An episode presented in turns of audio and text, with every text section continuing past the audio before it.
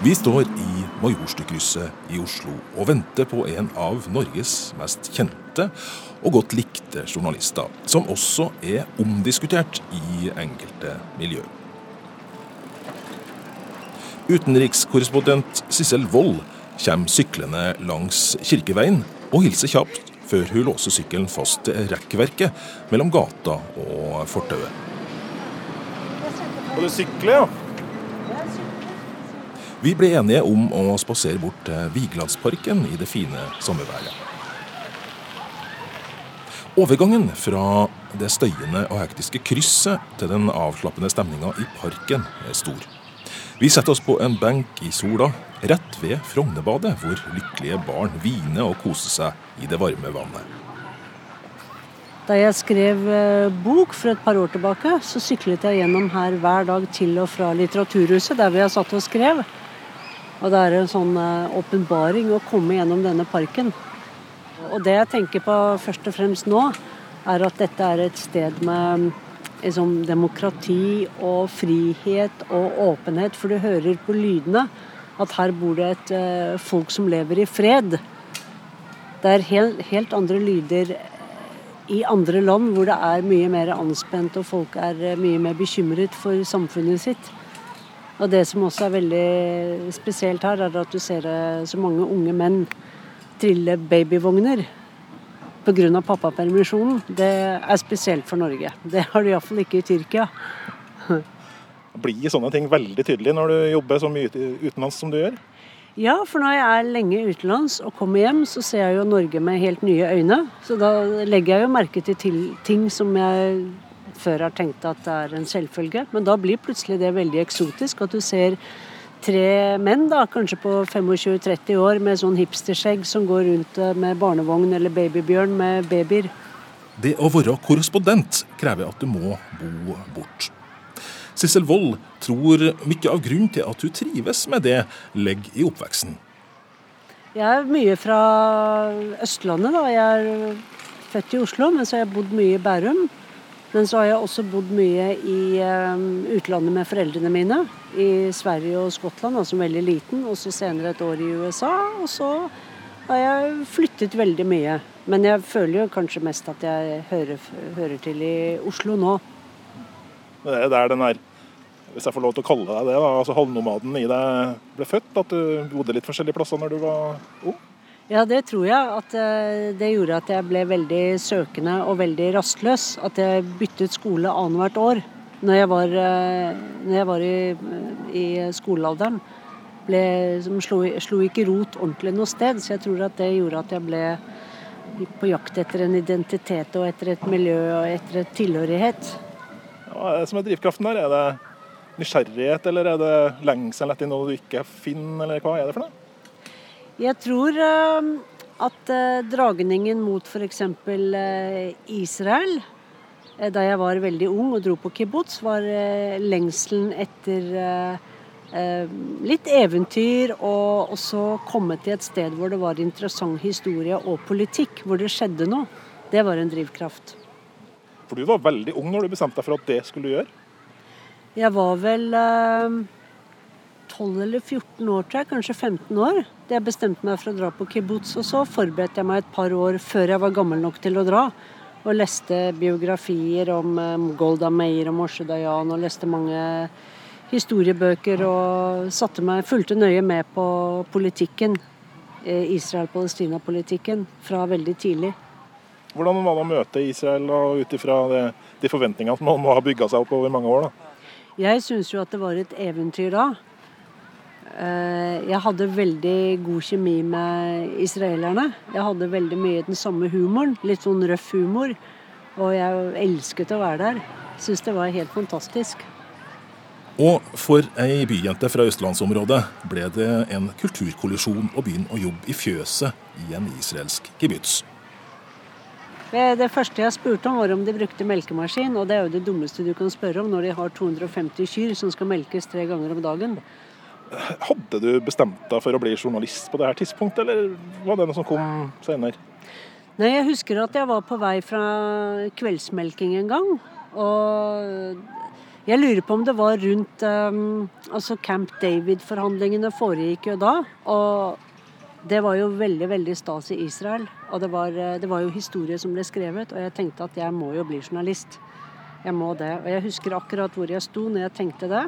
Jeg må bli Midtøsten-korrespondent. Men det var jo veldig langt frem, så jeg tenkte at før jeg kan bli det, så må jeg jo lære historie, jeg må studere statsvitenskap, jeg må kanskje gå på journalisthøyskole. Men det var jo målet mitt.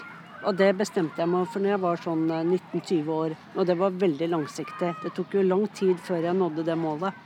Hvordan har den reisen vært, da, ifra det å se et yrke fra utsida og, og, tenke at det er noe for meg, og det å virkelig Nå, nå er du jo utenrikskorrespondent og har vært det lenge. Det yrket har jo endret seg veldig. Eh, men det har jo jeg også. Og det har jo også verden. Da jeg gikk på universitetet, så husker jeg at jeg fikk kontakt med Radio Nova. Men så turte jeg ikke helt å, å, bli med i Radio Nova, eller med studentradio, for jeg visste ikke hva jeg skulle si for noe når det plutselig kom rødt lys. Jeg hadde jo ingen erfaring. Forskjellen på den erfarne utenrikskorrespondenten som sitter ved sida av meg nå, og den litt sjenerte og usikre studenten som vurderte å jobbe i Radio Nova, kunne ikke ha vært større. Jeg liker veldig godt å fargelegge eh, sakene og rapportene mine med min egen stemme. Jeg syns det er et fint virkemiddel. Selv om du blir stum når det røde lyset på Radio Nova kom? Ikke nå lenger blir jeg stum. Nei, nå har jeg lært meg å snakke om uh, hva som helst, nesten. Blitt veldig proff. Etter noen år i Israel eh, kom Sissel Wold tilbake til Norge på starten av 80-tallet for å studere, og for å virkeliggjøre planen om å bli utenrikskorrespondent. I det radikale studentmiljøet i Oslo ble kibbutz-budeia satt på prøve. Jeg møtte jo meg selv i døren da, veldig mange ganger. Og det som skjedde da jeg kom eh, til Blindern, var eh, massakren i Sabra Shatila i 1982. Og jeg hadde jo et veldig romantisk forhold til kibbutzen, men jeg hadde også mistet eh, to venner fra kibbutzen i krigen, i Libanon-krigen. Sånn at jeg var jo veldig preget av det. Pluss at jeg hadde jo jobbet med kyrne og kalvene og drev eh, på en måte Refet, som det het. Og da noen av medstudentene mine oppdaget det, så syntes de at det var helt forferdelig. At jeg på en måte hadde vært vikar for en soldat som hadde vært i Libanon og da drept palestinere. Så da sluttet jeg egentlig å snakke om at jeg hadde bodd i Israel, om at jeg hadde, var veldig engasjert i den konflikten på den israelske siden. Så jeg holdt egentlig kjeft i ti år, tror jeg. Jeg levde et dobbeltliv. Jeg hadde ett liv i det jødiske miljøet, og så hadde jeg ett liv på Blindern.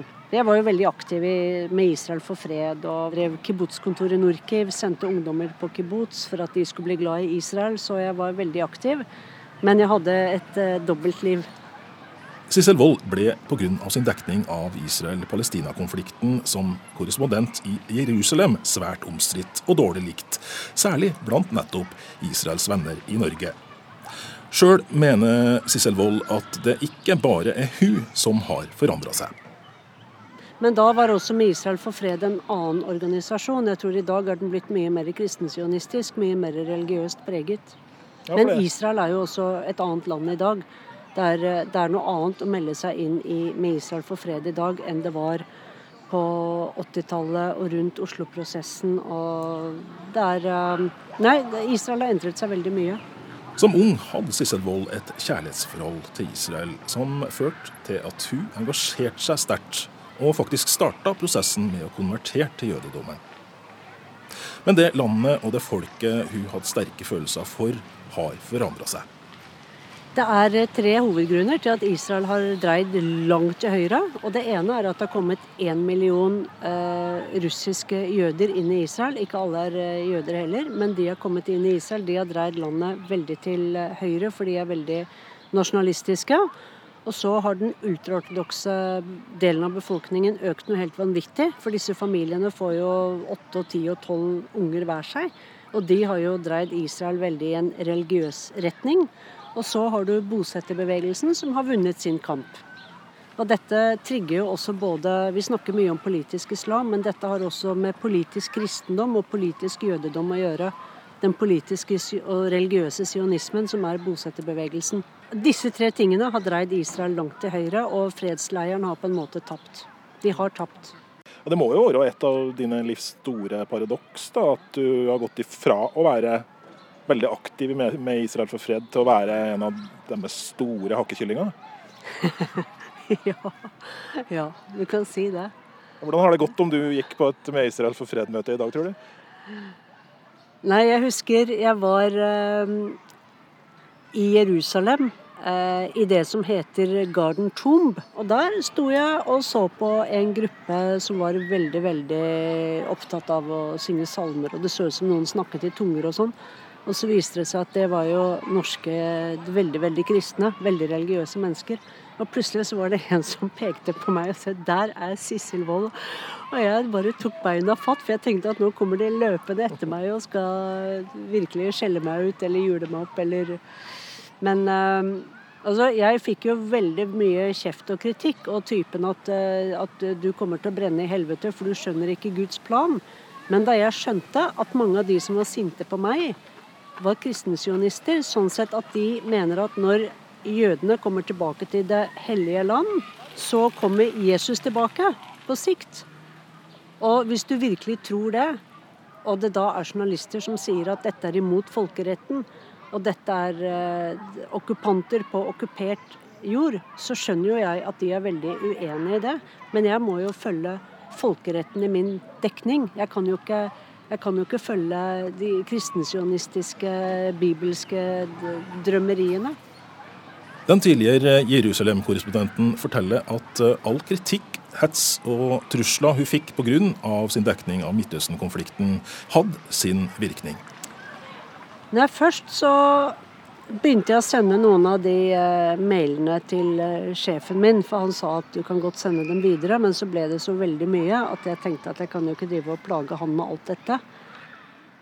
Men når du bare sitter som mottaker, og du sitter alene og ikke har redaksjonen rundt deg, for du jo, hadde jo hjemmekontor i Jerusalem, så blir du jo veldig deppa og lei deg, og så blir du usikker, og så lurer du på ikke sant, har de rett, og, og, så ser de jo selvfølgelig på tonen og hva de skriver. Og mange hadde jo Mange har bare behov for å få utløp for aggresjon og raseri. Og med en gang jeg setter meg ned og svarer, og de faktisk får et svar fra en levende NRK-person, en korrespondent, så, så roer de seg, for da har de blitt hørt. Men eh, er det sånn at all den kritikken du får, eller fikk da, i den konflikten bare kom fra den ene sida, eller fikk du pepper når du laga for mye Israel-stoff? Jeg har fått fra begge sider, men ikke så mye fra den andre siden. Da. Men folk sier jo til meg at hvorfor ble du så pro-palestinsk? Men for meg så handler det ikke om pro-palestinsk eller pro-israelsk, men det handler mer om menneskerettigheter. For alle som ser okkupasjonen på nært hold, blir jo veldig opprørt. Alle blir jo veldig opprørt av å se hvordan dette fungerer i praksis. Men er du, er du fremdeles en Israel-venn? Jeg er veldig glad og veldig imponert over de israelerne som drar ut på okkupert land og som hjelper palestinere f.eks. å plukke oliven sånn at bosetterne ikke skal plage dem. Eller som Breaking the Silence, som tar med seg andre israelere ut for å vekke dem, for å vise hva som foregår i staten Israels eh, eh, navn. Og veldig, veldig mye flotte folk. Og det er klart, jeg føler meg veldig hjemme med med dem. Dette er jo, jeg har jo levd med både språket og med israelerne i flere tiår. Så jeg føler meg jo hjemme når jeg kommer. Men akkurat som dem, så er jeg også veldig opprørt over okkupasjonen og politikken som Israel fører i dag. Er du glad for at du ikke jobber med den konflikten direkte lenger? ja, nei. Da jeg fikk jobb i Istanbul og ikke skulle dekke Israel-Palestina lenger, så var det som eh, en skilsmisse fra en eh, veldig, veldig vanskelig kjæreste. En som jeg har hatt et veldig nært forhold til i tre-fire tiår. Og som jeg kjenner veldig godt, og som jeg på en måte er veldig glad i, og som jeg kan så mye om, og som jeg har vært knyttet til så mye. Og samtidig så tenker jeg at åh, oh, nei, nå er jeg glad for at jeg slipper å dekke det og det, så jeg slipper alle de sinte mailene og sinte twitterne. Helt ærlig, tror du det all den der kritikken som kom både her på Kringkastingsrådet og inn mot NRK, tror du den var med på å føre til at du havna i Tyrkia nå, og ikke får jobbe mer med Midtøsten foreløpig, i. Ja, det må du spørre sjefene mine om. Jeg vet ikke. Det er noen som tror det, men jeg vet ikke.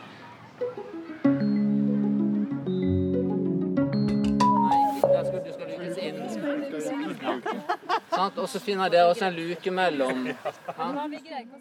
Sissel Wold er en av NRKs totalt elleve utenrikskorrespondenter.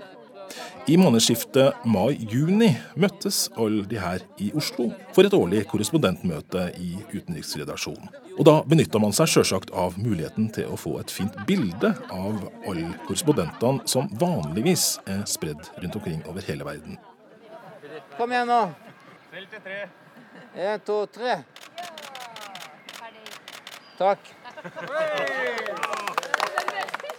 Og denne lille uka hjemme gir Sissel Wold muligheten til å treffe sin mann, journalisten, seileren og eventyreren Ragnar Kvam jr. Sjøl hadde jeg litt vanskelig for å tro på de ryktene jeg hadde hørt på forhånd om at Sissel møtte sin fremtidige mann som en del av enda en listig plan. Nei, det er nok riktig. For jeg var jo var vel sånn 33-34 år eller noe. Og så hadde jeg jo eh, ingen kjæreste. da, Jeg var singel og tenkte at dette må jeg bare gjøre noe med. Og så begynte jeg å lese i avisene da, om, om menn som var single. og så tenkte jeg at siden jeg er journalist, så kan jeg jo be om intervjuer med noen av dem. For det skader jo ikke å treffe folk. Det betydde jo ikke at jeg skulle drive og sjekke dem opp, men bare som blir kjent med, med markedet.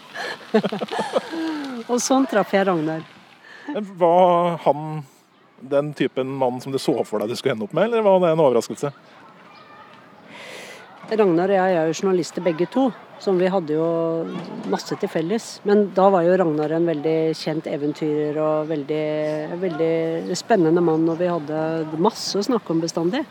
Men han var jo mer opptatt av båten sin enn å få seg kjæreste, da. Så jeg måtte jo bare bli med på, på seiltur. Og så, så ble vi gift.